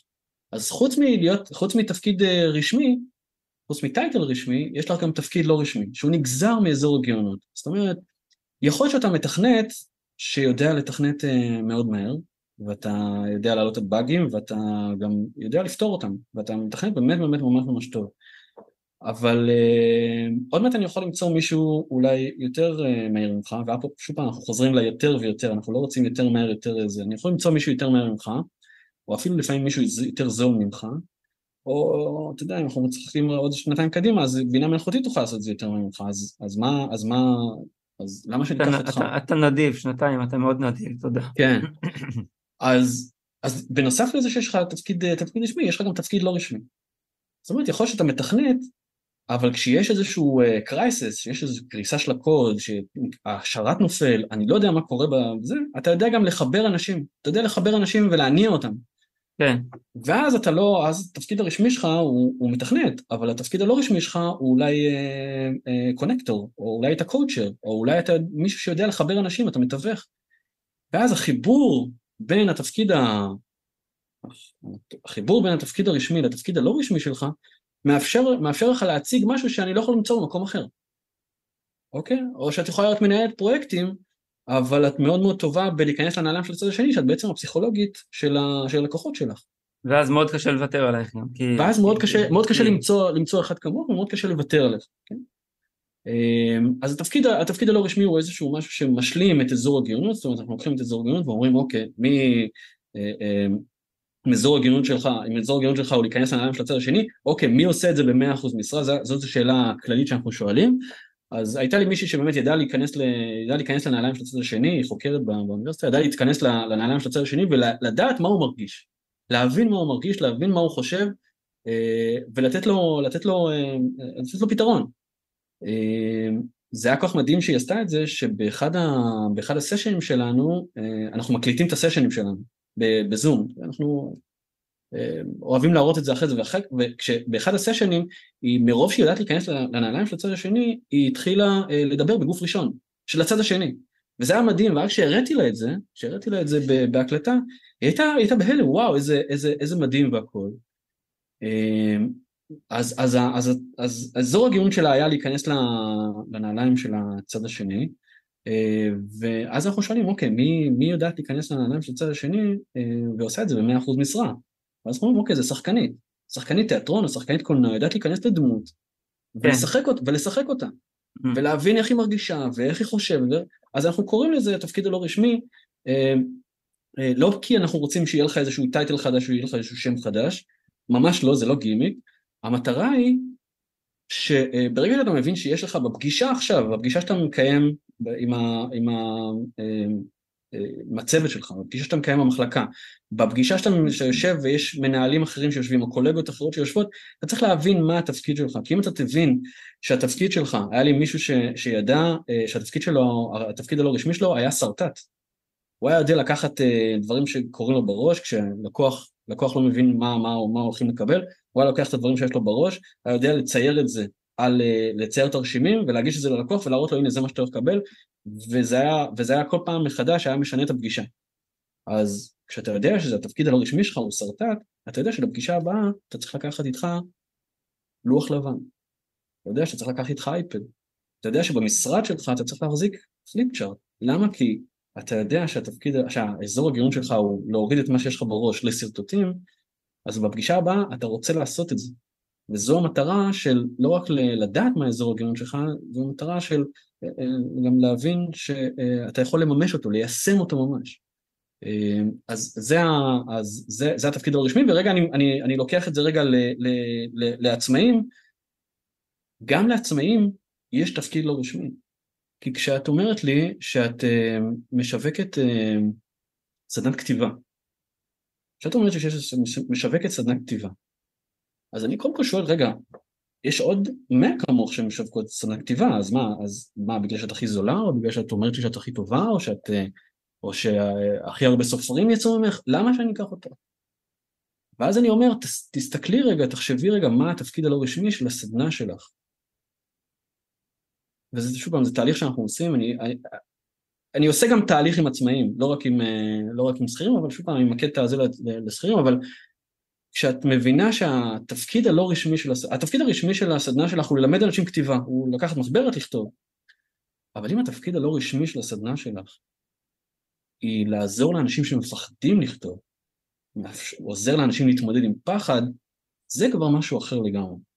כי אנשים לא יחזרו אלייך בגלל שהם רוצים ללמוד לכתוב, הם יחזרו אלייך בגלל שאת מאפשרת להם להתמודד עם הפחד שלהם מכתיבה, פרסום, I don't know, אוקיי? אז לכל תפקיד יש גם תפקיד לא רשמי, לכל סדנה יש גם תפקיד לא רשמי, לכל הרצאה יש תפקיד לא רשמי, לכל, איך שאני רואה את זה, לכל דבר בעולם הזה יש את התפקיד הרשמי שאותו אנחנו אומרים, ויש את התפקיד הלא רשמי שבגללו אנשים יחזרו אלינו. ושווה למצוא אותו.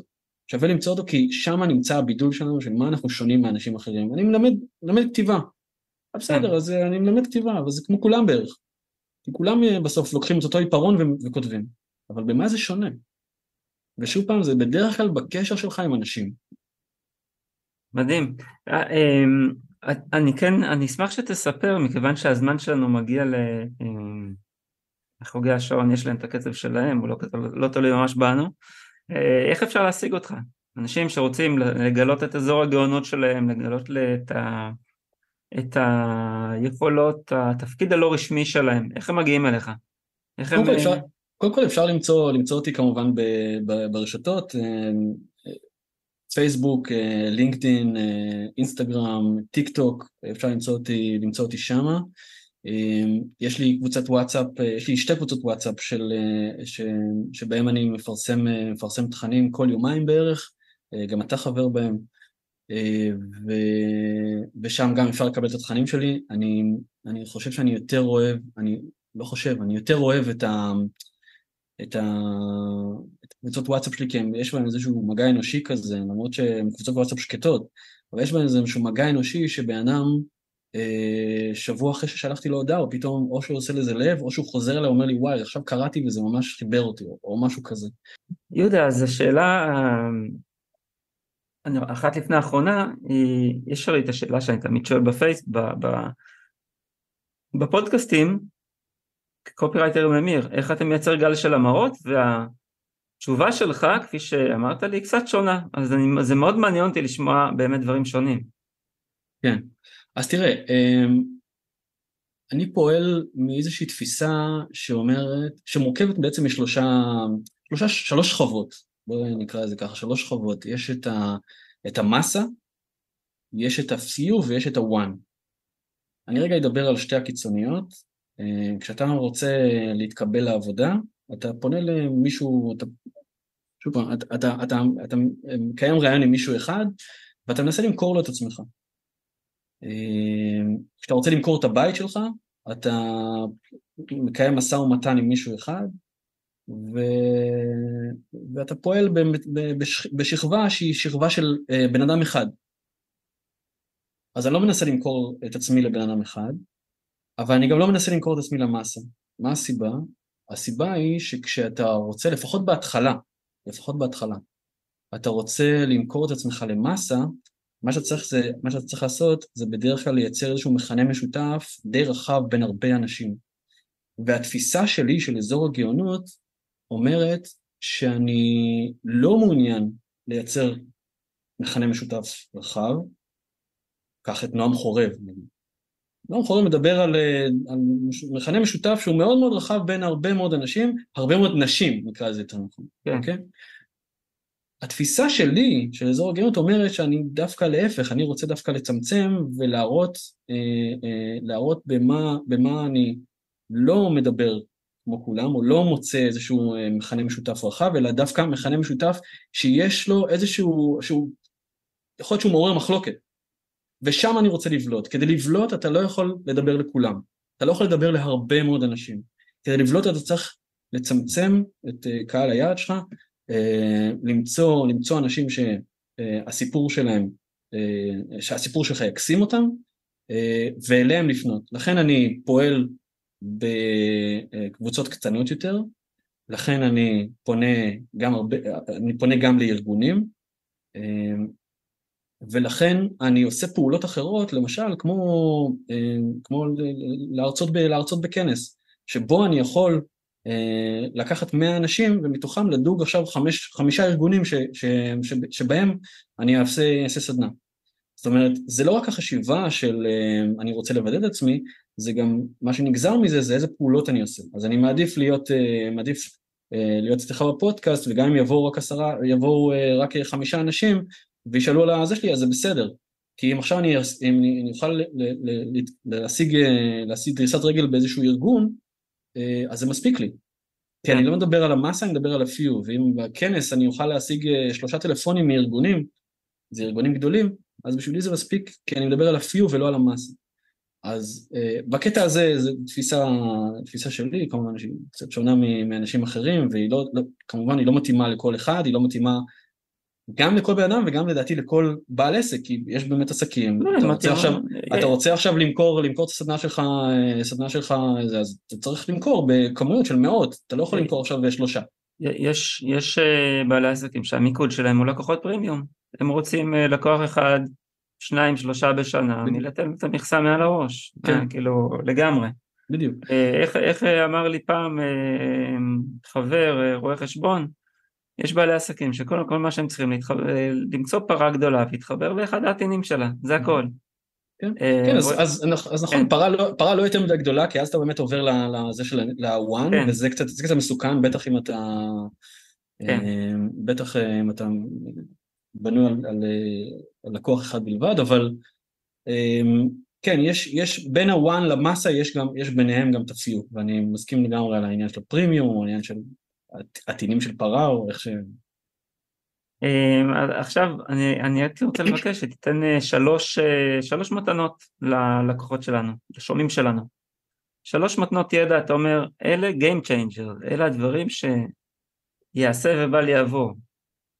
תראה, אמ, כשביקשת, כשביקשת לעשות את זה, אמ, התחלתי לחשוב, אוקיי, מה, אתה יודע, Game Changer זה, זה אוקיי, רגע, זה מפחיד, רגע, מה זאת אומרת Game Changer? משהו שינה לי את החיים? אז יש, כן, יש, יש דברים ששינו, שינו לי המון המון המון, בטח בשנים האחרונות.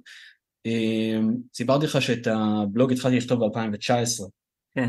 אז אני חושב שאחד הגיים צ'יינג'רים הכי גדולים שמישהו יכול לעשות, גם אם הוא עצמאי, גם אם הוא שכיר, גם אם זה, אתה יודע, גם אם אפילו לא, לא, לא בשביל העבודה שלו, אה, היא לכתוב בלוג. כי לכתוב בלוג זה Game Changer לאו דווקא בגלל שאתה יכול עכשיו לכתוב ואז לפרסם ואז כולם יריעו לך, לא בגלל זה, אלא בגלל מה שהוא גורם לך לעשות, מה שהוא גורם לך להיות. העובדה שאתה צריך לכתוב, שאתה כותב בלוג ואתה השבוע צריך לפרסם פוסט, או החודש צריך לפרסם פוסט, גורם לך אה, באיזשהו מקום אה, להקשיב הרבה יותר כדי, כדי להגיד, אוקיי, רגע, אני צריך עכשיו לאסוף חומרים, אני צריך לאסוף חומרים לפוסט שלי, אז אני צריך רגע להקשיב, אני צריך ללכת לקרוא, ואני צריך ללכת להתמקצע, ואני רגע, ואני צריך ללכת לקרוא, אתה יודע, אני, אני צריך להתחיל להקשיב לסביבה שלי אה, אה, כדי לאסוף חומרים. אה, וזה מפעיל אצלך את הערנות ביג טיים. אה, זה מאפשר לך פתאום להיות, אה, להיות אה, סקרן, כי אם אתה צריך לכתוב, אתה צריך להיות סקרן, זה, זה מאלץ אותך להיות סקרן. או, או, ש, או, ש, או שאתה תרדים את עצמך ואף אחד גם לא יקשיב לך כי אתה משעמם, מאוד פשוט. כן, אז, אז בסוף זה, זה, זה מייצר איזושהי, איזושהי הקשבה שהיא מאוד חשובה לדעתי לבעלי עסקים ולכל אחד לדעתי. אמ, זה, זה, מאפשר לך, זה מאפשר לך לייצר איזשהו הדהוד. כן. אני חושב שברגע שאתה מתחיל אה, לכתוב לאנשים, וגם אם הם אומרים שהם אוהבים, וגם אם הם אומרים שהם לא אוהבים, אה, זה מייצר, מתחיל לייצר לך איזשהו אה, שיח שהוא בלתי נמנע עם המציאות, עם, ה, עם, ה, עם, ה, עם הסביבה. זה מחייב, זה מחייב אותך אה, אה, אה, להיות, אה, להיות רלוונטי. כי אם אתה לא תהיה רלוונטי, אם אתה תכתוב על דברים שלא מעניינים אף אחד ולא מעניינים את אף אחד והם לא, לא עדכניים, אז אמ, אז העידוד שלך הוא לא, אמ, הוא, לא, הוא לא חזק מספיק. אה, אז כדי לכתוב, אמ, לכתוב זה, זה, זה טוב, צריך גם, צריך גם לפרסם. אה, צריך גם אה, שיהיה איזשהו הדהוד בצד השני, שיהיה איזשהו משהו שאתה יכול להגיד, הנה, שלחתי את זה, לשלוח משהו. וזה סופר חשוב, זה, זה משהו שב-2019, סיפור איך, התחל, איך התחלתי את זה והכל, אבל זה משהו שדי שינה לי, שינה לי את כל ההתנהלות שלי לאורך היום. לא בגלל שזה מלחיץ אותי כי אני צריך לכתוב מחר פוסט, אלא בגלל שזה הפך אותי לסקרן בעל כורחי. לא שחסר לי, אבל לסקרן בעל כורחי, אוקיי? ואיזה עוד שני דברים? אז הדבר, והדבר השני, הדבר השני הוא משהו שהתחלתי דווקא ב-2018, התחלתי לעשות מדיטציה, אני עושה מדיטציה כבר אה, יותר מחמש שנים, ואם יש משהו שהוא Game Changer זה זה לגמרי. איזה מדיטציה? אני עושה מיינדפולנס. מיינדפולנס כל יום, אני עושה כל יום חצי שעה, לגמרי משנה חיים. משנה חיים, ואני רגע אקשר את זה, כי אנחנו רוצים לחבר את זה לאנשים שהם בעלי עסקים או עובדים. זה Game Changer מהבחינה הזאת שלכולנו, בטח לעצמאים, יש פחדים, אתה יודע, אני מחר רוצה לפרסם עמוד נחיתה חדש, אני רוצה לפרסם פוסט חדש, אני רוצה אה, לעשות הרצאה חדשה, לא משנה מה, בכולנו יש פחדים. סליחה, בכולנו יש פחדים, וגיליתי שהמדיטציה, בגלל, שהמדיט... בגלל ש... שלמדות אה, מאפשר לך להגדיל את המיכל שלך, היא מאפשרת לך, היא מאפשרת לך להכיל את היצירתיות שלך, כי אתה כנראה עושה דברים יצירתיים, מאפשרת לך להכיל בתוך המיכל הזה גם יצירתיות וגם את הפחד. אה, כי כשהמיכל שלך הוא קטן מדי, אז יש שם או יצירתיות או פחד, ובדרך כלל הפחד משתלט ומעיף החוצה את היצירתיות, ואז כמעט כלום לא קורה. אבל כשהמיכל שלך מספיק גדול, כי אתה עושה מדיטציה, וזה בעצם מה שמדיטציה עושה, קשה להסביר את זה במילים, אבל היא בעצם מגדילה את יכולת ההכלה שלך, אז האפשרות שלך לעשות, אה, אה, לעשות משהו יצירתי, וגם להכיל בתוכו את הפחד, לא להעלים אותו, אבל להתמודד איתו, ולהוציא את זה, את זה לאור, היא, היא מדהימה. היא מדהימה והיא עושה, עושה שינוי עצום. עזוב את זה שאנחנו הרבה יותר הרבה יותר רגועים, הרבה יותר שלווים לאורך היום, זה כמובן כולם מכירים ממה שמדיטציה עושה, ואני רוצה לחבר את זה רגע ל, ל, לזה שאנחנו בעלי עסקים שגם צריכים לייצר, אה, לייצר תוכן, או לייצר אני, יצירות. אני, אני רוצה להוסיף על זה משהו, אני מתרגל מדיטציה מ-98 ואני עושה את זה על בסיס יומי, אה, התרומה של זה לאיכות החיים ולתפוקה ולמערכות היחסים היא, אי אפשר לתאר אותה במילים, היא הופכת אותך לאדם פשוט הרבה יותר ברמה האדם, של, האדם שאתה רוצה להיות ולא מה שאתה, לא מה שהסביבה מכתיבה לך להיות, שאלה שני אנשים שונים לגמרי. והמדיטציה שאני מתרגל נקראת מדיטציית אום, one minute meditation, OMM. וזאת אומרת שאתה יכול לעצור ב- בכל יום לדקה, או כמה פעמים לדקה, אם אתה רוצה גם יותר מדקה, ואתה מתרגל מהלך שפשוט מייצר בך את הדימוי של האדם שאתה רוצה להפוך להיות. אם זה רגוע, אם זה עשיר, אם זה שמח, אם זה נדיב, אם זה אה, מתקשר טוב, אם זה גבר סקסי, כל אחד והאישה סקסית, כל אחד וה, ומה שהוא רוצה או רוצה לחייו. ובעיניי זה, זה דבר אה, פשוט מופלא, כי, כי העולם שלנו הוא עולם מאוד קשה, והוא הופך להיות הרבה יותר קשה. האנרגיות שקורות היום, ההתקדמות, המלחמות, רואים את זה בכל מקום, המצב, העייפות, פיזית, אנשים הרבה יותר עייפים. אם נסתכל על עצמנו היום ואיך היינו לפני שנה או לפני חמש שנים, נגלה שאנחנו הרבה יותר עייפים. לא סתם זה קורה לכולם בבת אחת, זה לא, זה לא במרחב הקטן שלי, זה במרחב הגדול העולמי, זה קורה בכל העולם. זה גורם לאנשים מאוד לפחד. כשאתה מפחד אתה הופך להיות עוין. כשאתה הופך להיות עוין, אתה מתחיל להילחם. כשאתה נלחם בקטן, זה משפיע על הגדול, ואז מדינות מתחילות להילחם, ו- ואנחנו, המדיטציה, מדיטציה, תאום מבחינתי, סטנדרנות לחתוך את זה פה ולהגיד אני, זה שאני רוצה להיות, אני האדם הטוב שאני רוצה להיות, וזכות תרגול של דקה, פעם או כמה פעמים ביום. אז אני מאוד מאבד את זה. אני ממש, ממש, ממש מתחבר לזה, אני אוסיף על זה, רק ב-20 שניות, אני אוסיף על זה שזה ממש נכון, וזה, ומדיטציה, מה שהיא אפשרה לי, היא לא רק להיות האדם שאני עכשיו רוצה להיות, היא אפשרה לי להבין שגם אם עכשיו, זה לא במרכאות אני עושה, המאזינים לא שלום רואים אותנו, אבל אני עושה במרכאות, גם אם אני לא מצליח, גם אם זה לא מצליח לי, אז זה בסדר. אתה יודע, זה הכל בסדר. אז מחר אולי זה כן יעבוד, ואם זה לא יעבוד מחר, אז אולי גם שבוע, אולי שבוע הבא. והיכולת הכלה שלך של, אוקיי, היום זה לא עבד, ופתאום אתה, אתה שלב עם זה שוואלה, אז היום אה, לא הצליח לי, לא, לא הייתי אני היום, או לא, זה לא עבד, שוב פעם במרכאות, היכולת שלך להבין שזה בסדר, היא משהו שלא הכרתי לפני, לפני המדיטציה. היא פשוט מאפשרת לך להכיל את זה שגם כשאתה לא בסדר זה בסדר.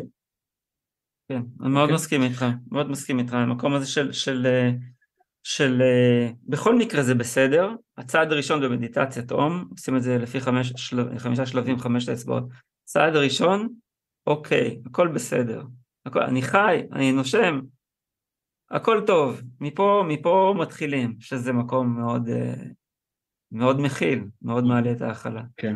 ומה הדבר השלישי שרצית לספר? הדבר השלישי, אני חושב שהוא אה, משהו שמלווה אותי, משהו שמלווה אותי כמה שנים, אה, וגם ליווה כשהי, כשהייתי ווב אנליסט, זה העובדה שאנחנו, אה, איך אנחנו ניגשים לאיזשהו פרויקט, או איך אנחנו ניגשים לאיזושהי משימה, ואני חושב שהשתי שאלות ששאלתי, כשאני, שתי שאלות שאני שואל כשאני ניגש לאיזו משימה, היא אחת, מה אתה מנסה לפתור? והשנייה, איך אתה יודע שהצלחת? ואני חושב ששתי השאלות האלה מקפלות בתוכן אה, המון המון המון, אה, המון המון אה, את היכולת שלך לעשות, גם לעשות אסטרטגיה וגם להבין א', איזה כיוון אתה צריך ללכת, וב', האם הכיוון שאתה הולך הוא כיוון, הכיוון הנכון. כי לפעמים אנחנו לא יודעים אם זה הכיוון הנכון, אבל היא מאפשרת לך לבחור, היא מאפשרת לך לבחור, מה זה אומר? למשל, כשאני ניגש לפרויקט ואני שואל את עצמי, אוקיי, מה אתה מנסה לפתור? מה הבעיה? מה הבעיה שאתה מנסה לפתור? ואז אני מתחיל לחשוב על הבעיה, ואז אני אומר, רגע, אבל איך אני יכול לפתור בעיה אם אני לא יודע למי יש את הבעיה הזאת? כי אם אתה רוצה לדעת איפה יש בעיות, אתה צריך לאנשים לשאול אותם מה הבעיות שלהם. ואז, ואז זה מחייב אותך ללכת לאנשים, לשאול אותם, תגידו, מה, כשאתם עושים את העבודה שלכם, מה, מה אתם לא מצליחים? ואז מתחילים לפרט לך בעיות, ואז אתה אומר, אוקיי, בבעיה הזאת אני רוצה לטפל, כי פה יש איזשהו אה, משהו שאם אני אטפל בו, הוא יעשה לי את האימפקט הכי גדול. ואז כשאתה שואל, עונה על השאלה הזאת של מה אני מנסה לפתור, ועובר לשאלה השנייה, השאלה השנייה פתאום נורא נורא נורא קלה. כי אם אתה מבין שמה שאתה רוצה לפתור זה, זה להעלות את אחוז הפרויקטים שמסתיימים בזמן. לאחוז אחוז, אחוז המשימות שמסתיימות בזמן. זה, זה מה שאני מנסה לפתור. יש לי בעיה בצוות, ש... או בעיה ב... לעצמי, אם אני עצמאי, ש-50% מהדברים פשוט לא יוצאים לפועל, או לא, לא, לא יוצאים לאוויר. ואני רוצה להפוך, לעבור את זה, להפוך את זה מ-50% ל-70%. עכשיו כשאני ניגש לשאלה השנייה, אוקיי, זה מה שאני רוצה לפתור, אבל כשאני ניגש לשאלה השנייה של איך אני יודע שהצלחתי, פתאום המטריק קופץ לי בצורה נורא נורא קלה. אוקיי, אני מבין איזה מטריקה אני צריך ואני יודע למדוד האם אני מצליח או לא. זה, וזה... זה, זה, זה, זה בעצם עונה לך השאלה, על השאלה מה אני צריך לעשות, בשביל ששאלת אותה. בדיוק. ש, שמה אני צריך לעשות זה בדיוק המוח הזוחלי, זה הדבר הכי, הכי, הכי זמין שאנחנו שואלים על כל שאלה, אוקיי, איך אני פותר את זה, מה אני צריך לעשות, ולא שאלות ששאלת, כשמראש מציבות את המטרה ואת נקודת נכון. היעד, שזה דבר שונה לחלוטין. נכון, ואני חושב שיותר מדי, גם אנשים, גם פרויקטים, גם uh, משימות, גם uh, ארגונים, אתה יודע, ניגשים למשימה, שאני אתן לך רק אנקדוטה, כשהייתי נכנס לפגישות עם, uh, עם אנשים, uh, כשהיינו נכנסים לפגישות עם אנשים, הייתי מחלק להם, הייתי מחלק להם פתקים ושואל אותם, תגידו, מה המטרה, מה המטרה של האתר שלכם? מה, מה, מה התפקיד שלו? וזה היה נורא מצחיק, כי כשעשיתי את זה, היית מזהה, זה, זה היה אנונימי, זה היה פתקים, והיית מזהה שאחד כתב את זה, אחד כתב את זה, אחד כתב משהו אחר לגמרי, ואחד בכלל עדיין לא יודע מה המטרה של האתר. ואז כשאתה, כשאתה עושה את זה, אתה מבין שלפני שאנחנו מתחילים אסטרטגיה, ואיזה עמודי נחיתה אנחנו רוצים, ואיזה עיצובים, ו... ואם זה פייסבוק או טוויטר, או לא משנה, לפני זה, בוא נבין רגע מה אני מנסה לפתור, כי עד שלא ענינו על השאלה הזאתי, לא עברנו לשאלה של איך אני יודע שהצלחתי, ששמה זה, זה נורא פשוט, כי ברגע שאנשים מבינים מה המטרה של האתר שלך, זה גם, זה גם נורא נורא ברור איזה מטריקה אני צריך, עכשיו צריך לבחור. אז שוב זה מאפשר לך, אמ, מאפשר לך לבחור, שזה, שזה משהו שהוא, אה, שהוא קצת חסר לנו היום, כי אנחנו, אתה יודע, אנחנו הולכים לפגישות, ונורא ברור לנו שזו האופציה היחידה וזהו. אבל לא, אם אתה רוצה, אתה רוצה לייצר בידול, אתה צריך להבין, אפרופו אנחנו חוזרים רגע לאזור הגיון פעם אחרונה, אנחנו צריכים להבין שיש פה כמה אופציות, ואני בוחר איזה אופציה אני הולך עכשיו, אוקיי? אז שתי השאלות האלה מאפשרות לי לבחור, אמ, אמ, וכשהתחלתי לשאול אותם, פתאום זה עשה לי shift, shift באיך אני, אני עובד. ולא רק איך אני עובד, גם איך אני מציג לאנשים אחרים את העבודה שלי, ואיך אני מציג להם, איך כדאי להם לחשוב על העבודה שלהם. אה, אז זה לדעתי משהו שיכול לעזור לאנשים, אני מקווה שזה... מדהים, מדהים. אז, אז אה, אני רוצה להודות לך על ריאיון מקסים. למדתי המון, אני מקווה שגם המאזינים והשומעים של המאזינים... תודה לך, וה... תודה לך. להתראות, ביי ביי, תודה. ביי ביי, להתראות. רגע לפני שנתקדם למתנה שאתם יכולים לקבל עכשיו, האם אתם זוכרים דבר אחד לפחות שלקחתם כדי לשפר את ה copy ואת השיווק בעסק שלכם? גם אם לא, רגע לפני המתנה, אם אתם רוצים דפי מכירה ממירים יותר, לקבל פניות חמות יותר, מלקוחות מדויקים יותר, אני מזמין אתכם לשיחת היכרות קצרה ללא שום התחייבות. פשוט תיכנסו לאתר yesmarketing.co.il y-e-s-h marketing co.il ללשונית ליצור קשר ושילחו לי הודעה. והנה מתנה ממש שווה ממני, שיש בה ידע על copy שייצר סכומים אגדתיים, מאות מיליוני דולרים וצפונה. שלושה פרקים מלאים מהפודקאסט בכתב, שמפרקים לאסטרטגיות וצעדים מעשיים יצירות קופי שמכרו באותם סכומים של הקופירייטרים הטובים בעולם, כולל ניתוח מלא וכל ההסברים בעברית. כל אחד מהם באורך של 12 עד 21 עמודים. איך מקבלים את כל זה בחינם?